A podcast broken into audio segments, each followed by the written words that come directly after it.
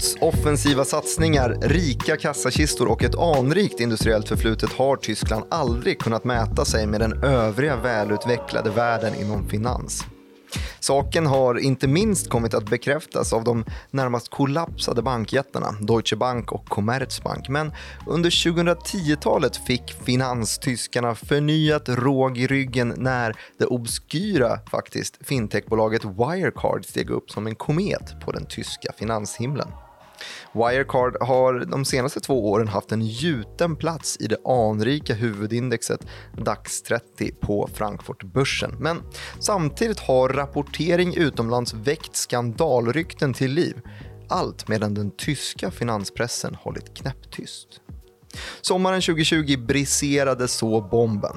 Wirecard som skulle få plånböcker, papperskontanter och mynt att försvinna ur var kvinnas och mans ficka har nu istället lyckats trolla bort pengar helt och hållet.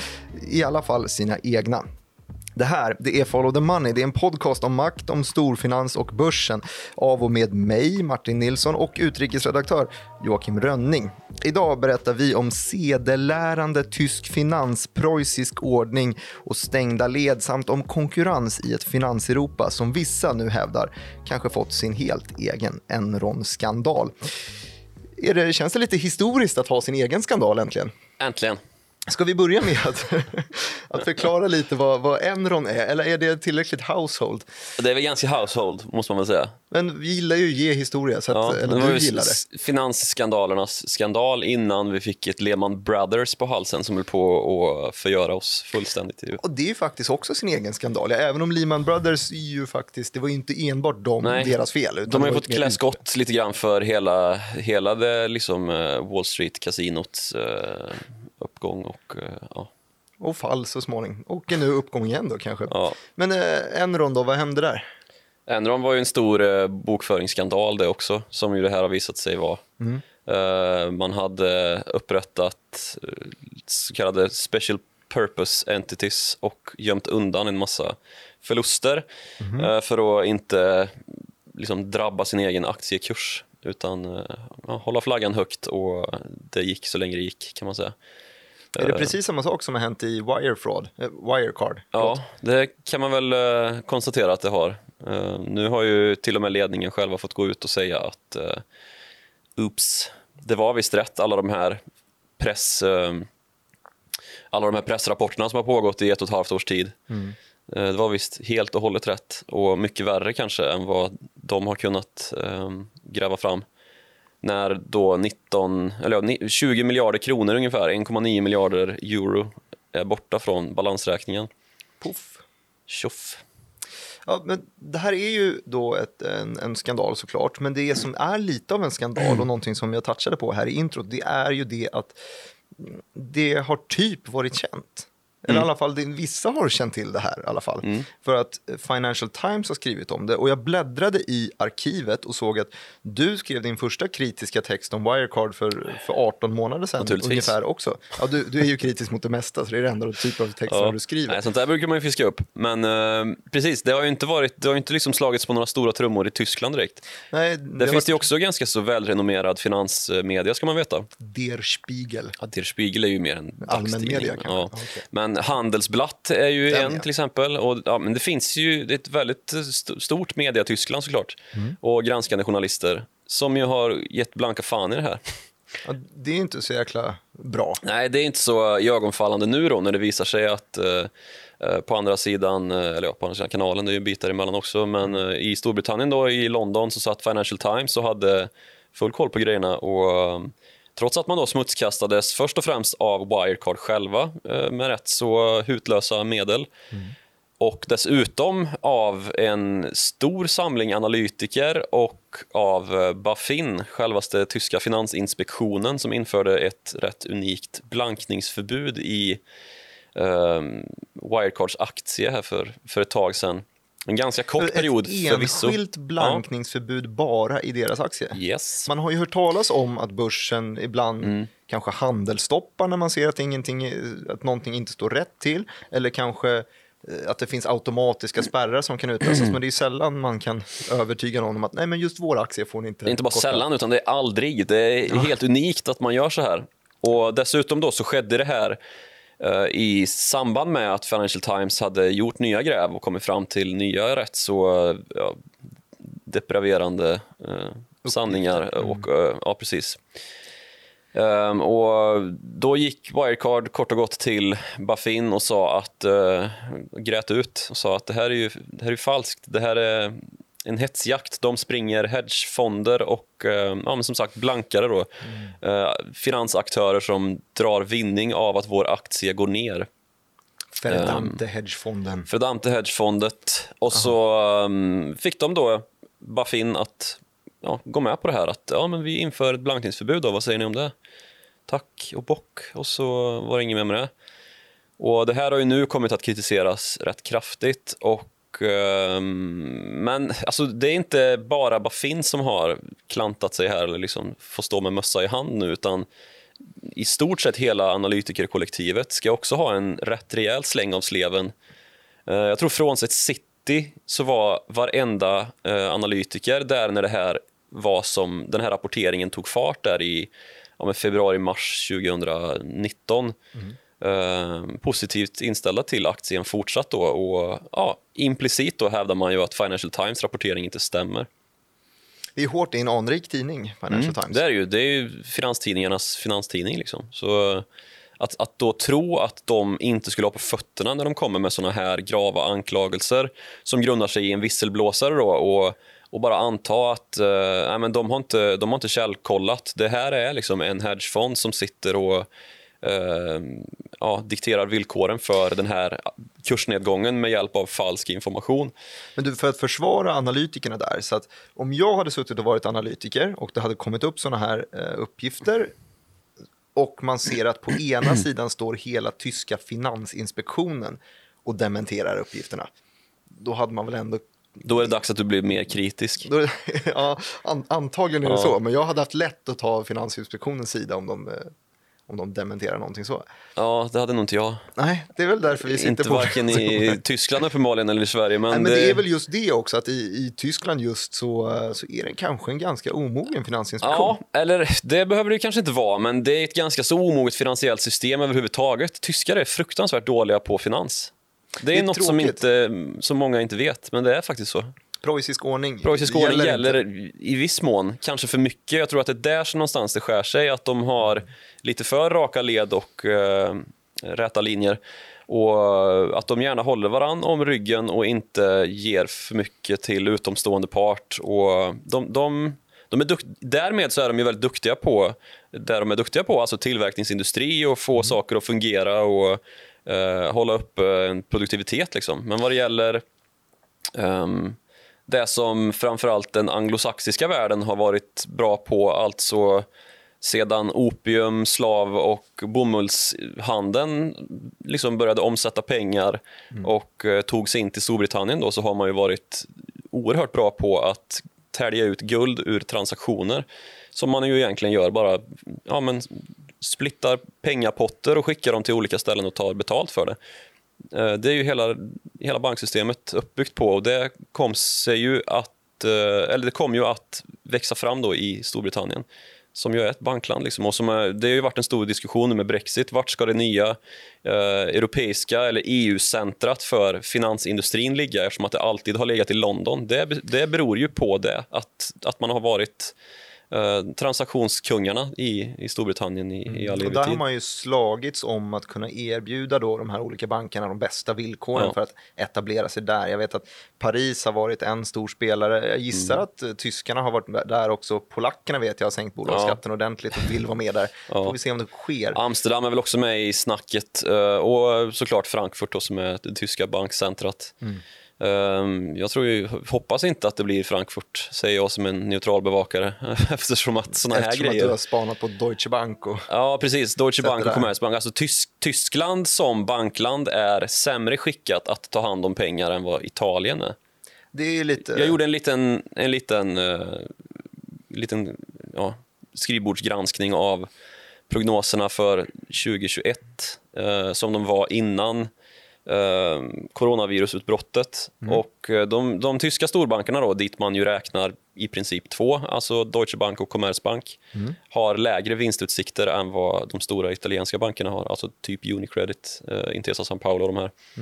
Eh, s- så man är unikt kassa på att, eh, att de bankverksamhet. italienska bankerna, de är inte heller, de, det är inte jättebra. Går inte Nej, jättebra nej men jag menar det. att Då får man ju, om man jämför med liksom de som är sämst i klassen, så, som man tänker sig är sämst i klassen på att hantera pengar, Mm. italienare, så är alltså tyskarna sämre. Det är någonting som, eh, Ja, som någonting har sagt många snett inte vet. Vi har ju faktiskt haft, kan man spola tillbaka och gå tillbaka till avsnitt nummer tre? kanske? Typ, jag vet inte, ett, två, tre någonstans. Ja, vi släppte ju tre avsnitt precis i början, så det är därför vi blandar ihop dem. Men då körde vi en special om just bankväsendet. Just. Fokuserade väldigt mycket på Deutsche Bank. Europas bankrutta banker tror jag den heter. Ja, Mm. bra avsnitt.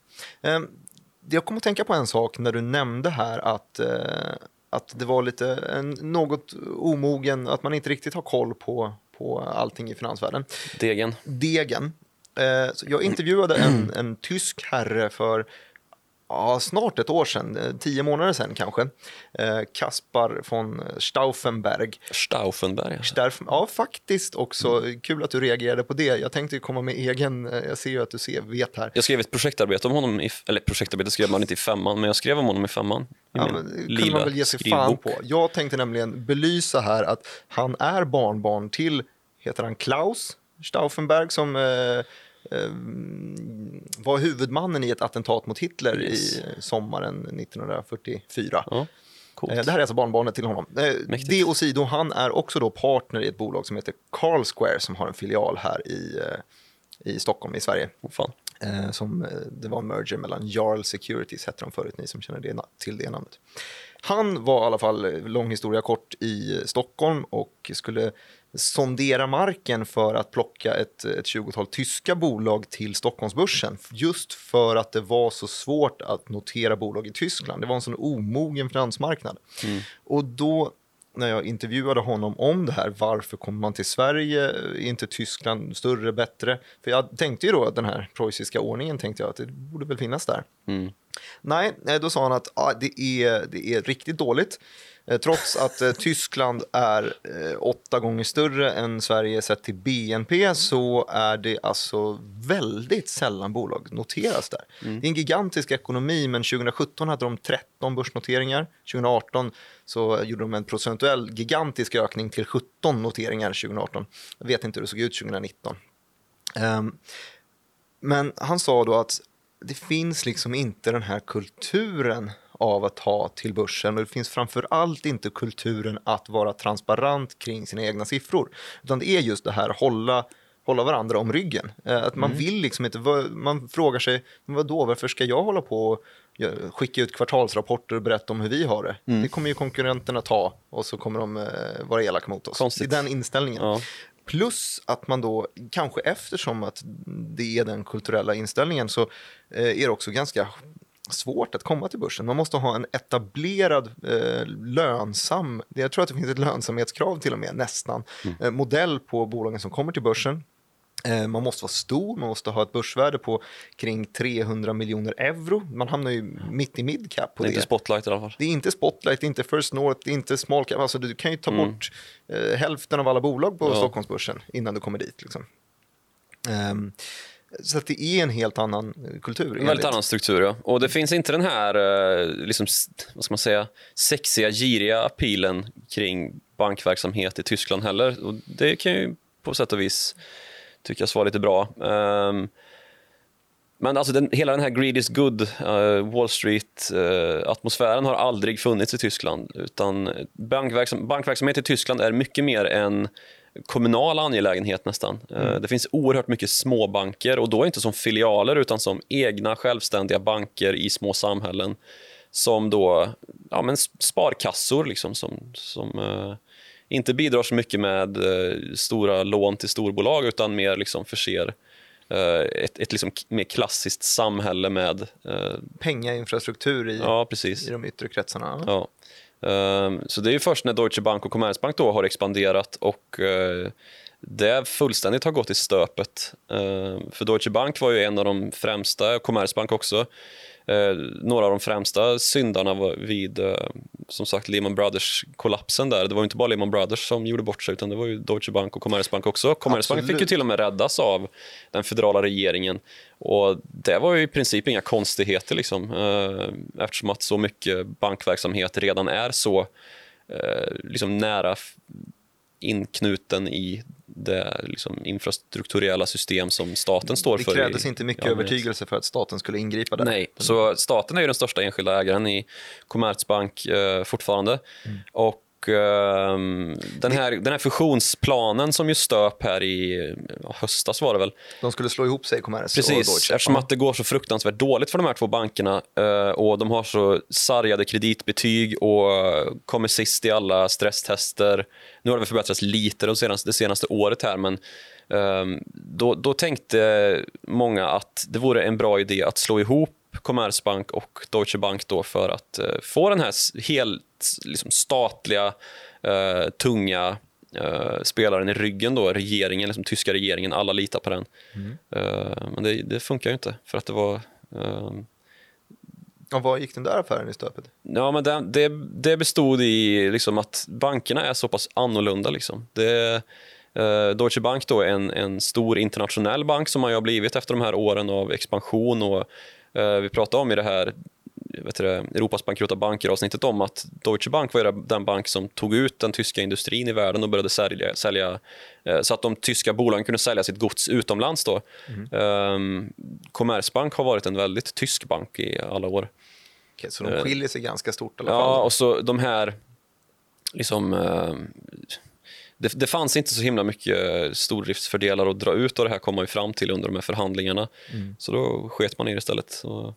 Och man kan ju se också, eh, se just hur risigt det har gått, just svart på vitt, så kan man ju ta upp en eh, aktiegrafkurs, låta den börja på eh, toppen finanskrisen och se hur många procent minus den är.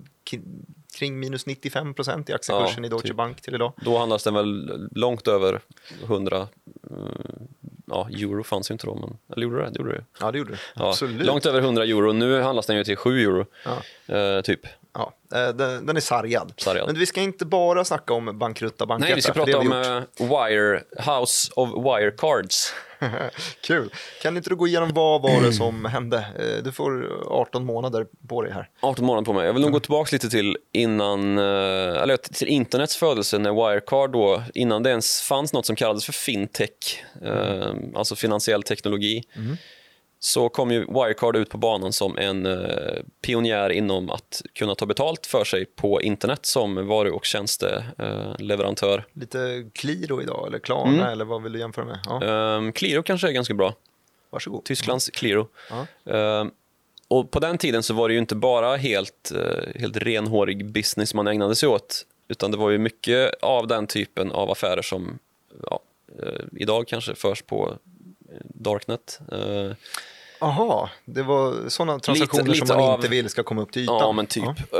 Eh, lite bitcoin-feeling över det hela. Ja. Eh, och sen så har det ju, ja men den, den verksamheten löpte ju på några år liksom, innan bolaget bestämde sig för att frångå liksom, porr och den tidens spel och sånt.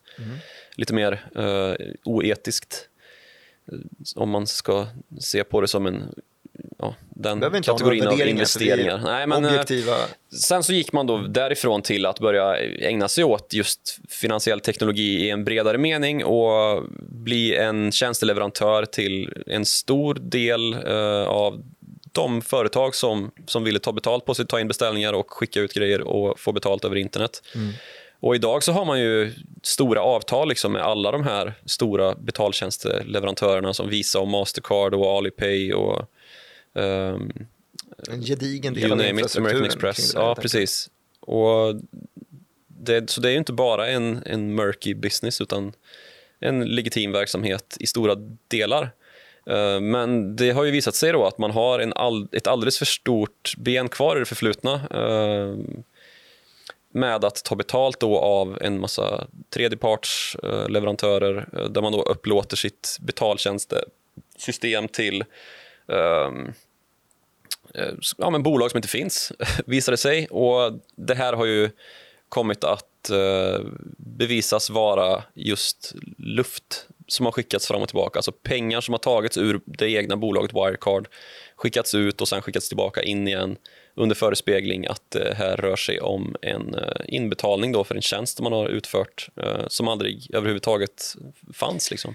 Ett, ett bolag som inte fanns. sättet att koka böckerna på bara. Ja, och verksamheten är ju mycket global dessutom så att det har varit uppenbart svårt för de revisorer som har engagerats i det här ärendet att eh, ja, men se att det faktiskt finns ett bolag. Man har inte gjort liksom, tillräcklig research eh, som revisor då, vilket då istället Financial Times har gjort som har åkt jorden runt och besökt olika adresser som, som de här kunderna då ska ha suttit på eh, där det har visat sig bo en liksom, eh, filippinsk barnfamilj eller en singaporiansk eh, ja, sömmerska. Liksom. Någon som kanske inte möjligtvis sitter på två miljarder. Nej, precis. Som, som definitivt inte sitter på någon betaltjänst som, som kopplas ihop med Wirecard överhuvudtaget utan som är just ett liksom, eh, påhittat. Och ju längre in i det här man har grävt och desto mer kopplingar till själva Wirecard har man sett att det är ingen annan som har bedragit Wirecard utan det är Wirecards egna anställda som har bedragit sig själva och nu är då frågan hur mycket har Wirecards ledning vetat om? Um, nu är ju uh, Marcus Bauer som uh, är, var vd fram tills i uh, förra veckan i fredags dagen efter då att man tillstod att det här är på riktigt. Financial Times har visst haft rätt. Sa man inte, men det är ju det som är um, implicit då.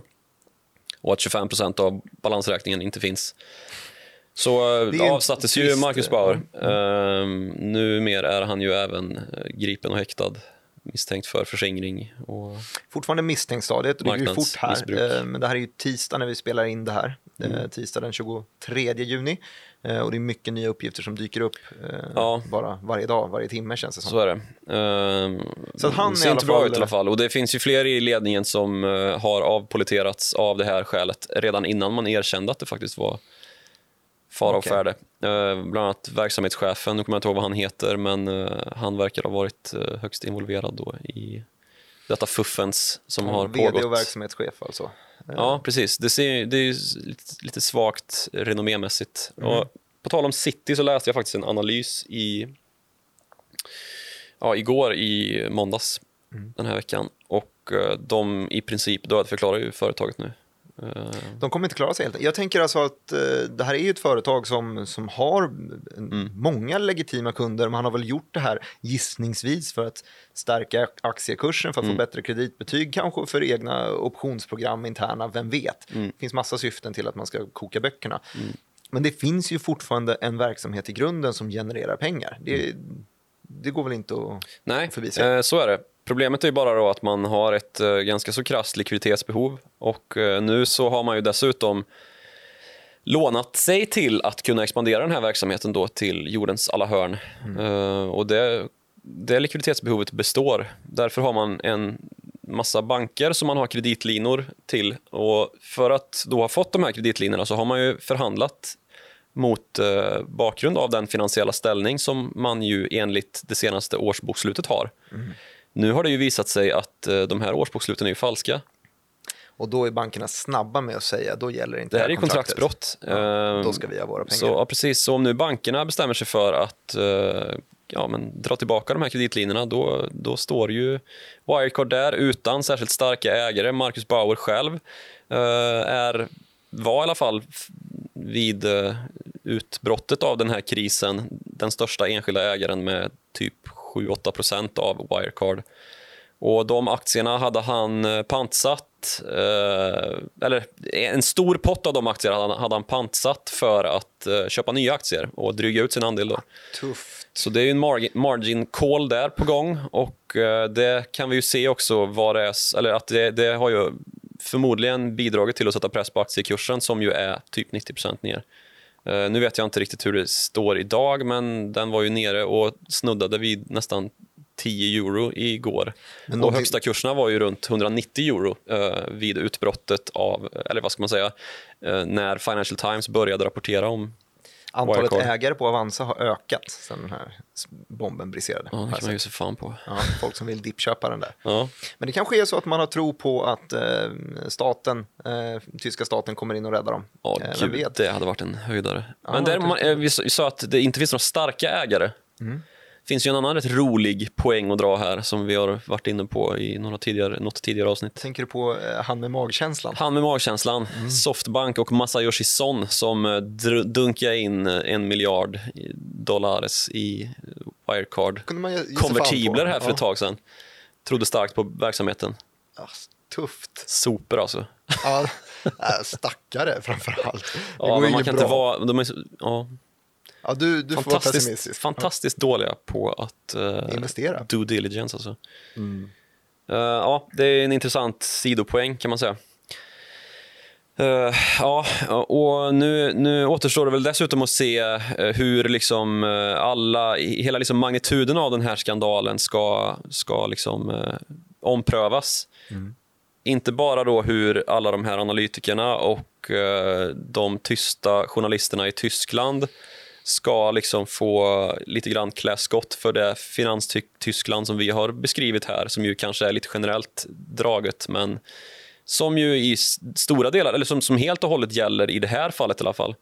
Eh, hur det nu ska liksom, eh, ja, få... Ja, trovärdigheten har ju fått sin törn och framförallt Ja. för den här verksamheten man är i. Man är i liksom pengahantering, Precis. transaktioner. Där Och ska man det- ju ha trovärdighet. Ja, och man det är ju det som City trycker på då, att även om bolaget lyckas resa sig nu bortom eh, Marcus Bauers eh, närvaro och eh, om man nu lyckas rida igenom den här stormen, så vart ska man hitta förtroende för den här verksamheten som har förföljt journalister, som så Har de sent... förföljt journalister? du? Det är väl inte helt, det är väl inte helt belagt, men det finns väldigt mycket som pekar på det. Eh, Okej. Citizen Lab är en eh, eh, forskargrupp vid Toronto-universitetet som vad ska man säga, de forskar i hacknings... Eh, eh, kampanjer som genomförs runt jorden. Bland annat så har man forskat en massa på hur det egentligen gick till när saudiska regimen sp- spårade upp Jamal Khashoggi och mördade honom i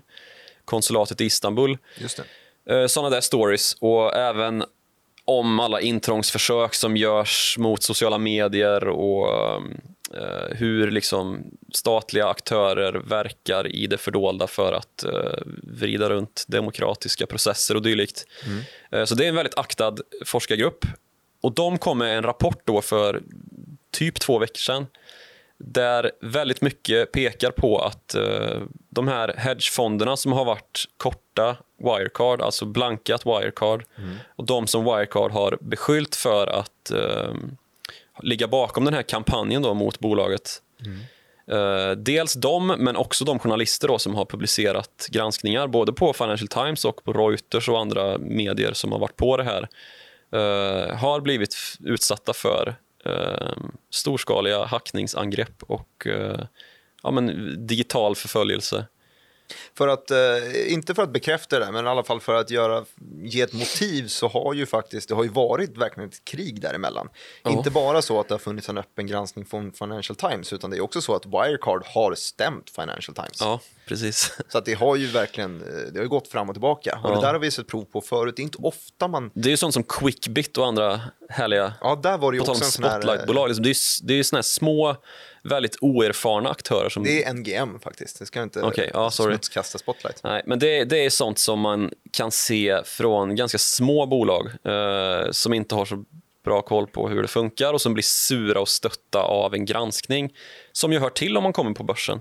Eh, transparensen. Ja. Och jag tycker att det är kanske där stora skillnaden är mellan tyska börsen och eh, svenska börsen som liksom kommer ner i och, och tillåter de här lite mindre bolagen. Att de mindre listorna, det blir ju som en skärseld varje gång man eh, man tar ett steg upp på en mindre lista, tar, hoppar upp till First North, hoppar upp till small cap, till mid cap. Det gör ju att fler och fler ögon hamnar på en och det här, det är det som är det positiva i det här annars så kallade nollsummespelet som är trading, eh, som många ofta refererar till, till ett, som ett nollsummespel. Ja, det tillför likviditet och gör de här eh, aktierna handlingsbara och gör att eh, de kan få tag på pengar. Men det är också så att det det genomskär, den belyser verksamheterna väldigt bra Mm. genom att det är så många olika intressenter i dem. Det är ju faktiskt det som trading Ja, ger absolut. Mm. marknaden och det är en positiv del. Ja, för det är trading och eh, hedgefonder och aktivistfonder.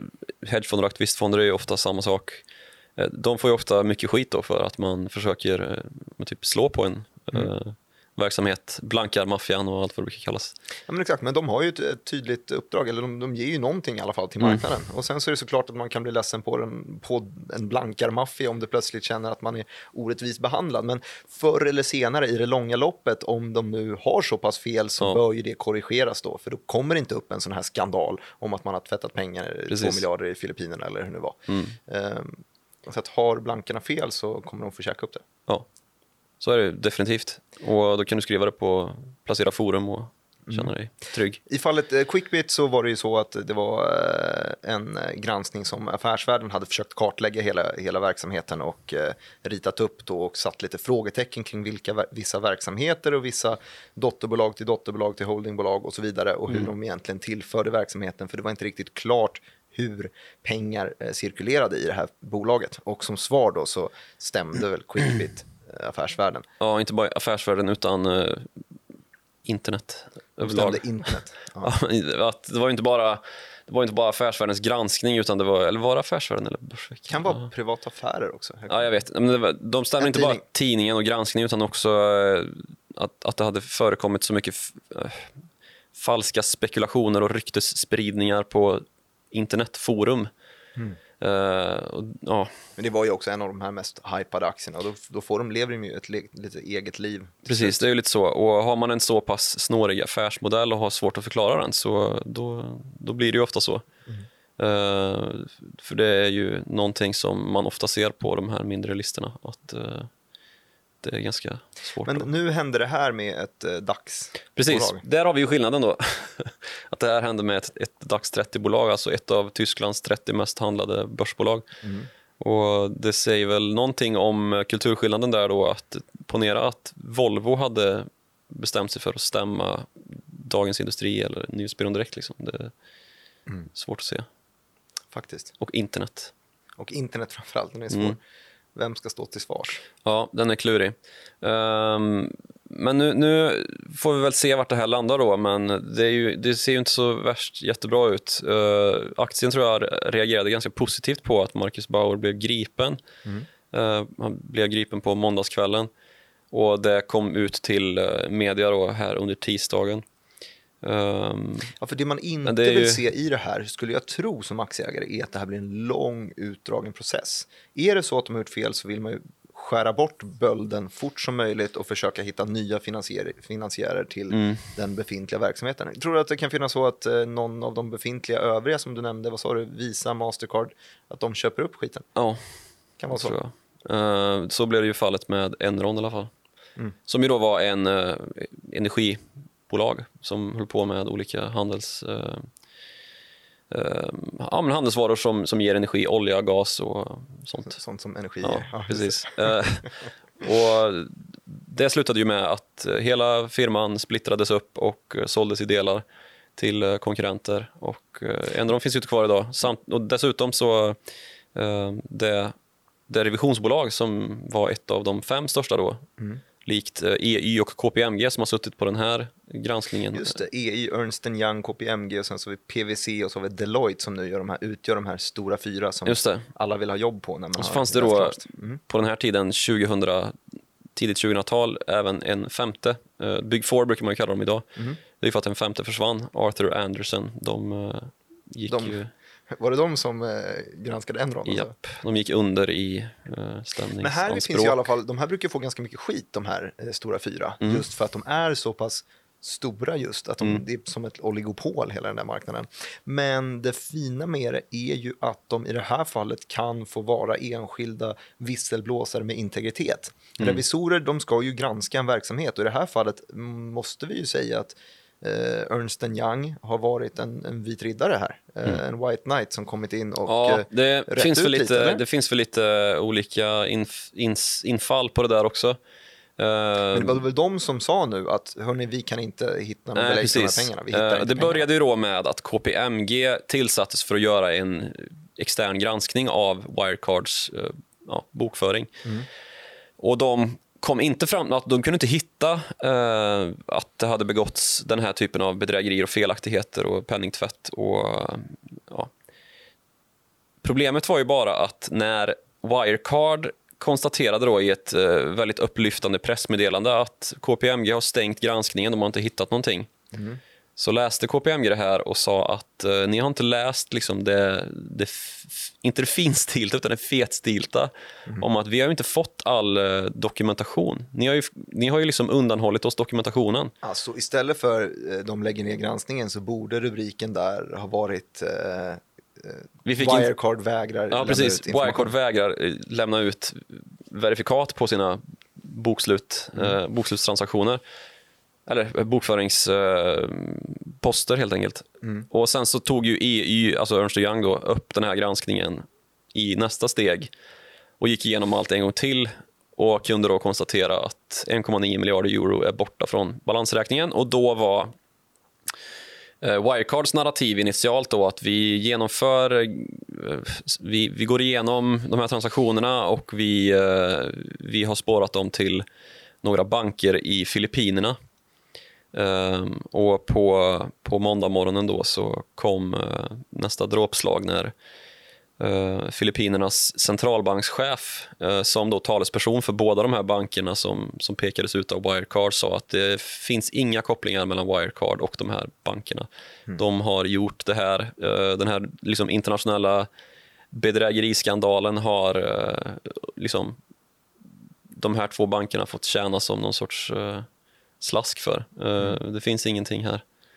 Och eh, där var ju sagan all för både Men Marcus det, det Bauer jag och för menade aktiekursen. där var i alla fall att hade då Ernst Young varit eh, ett, ett litet företag så kanske de hade blivit köpta lättare. Mm. Men nu så står och faller inte Ernst Young på om Wirecard existerar som kunder Nej, eller så är inte.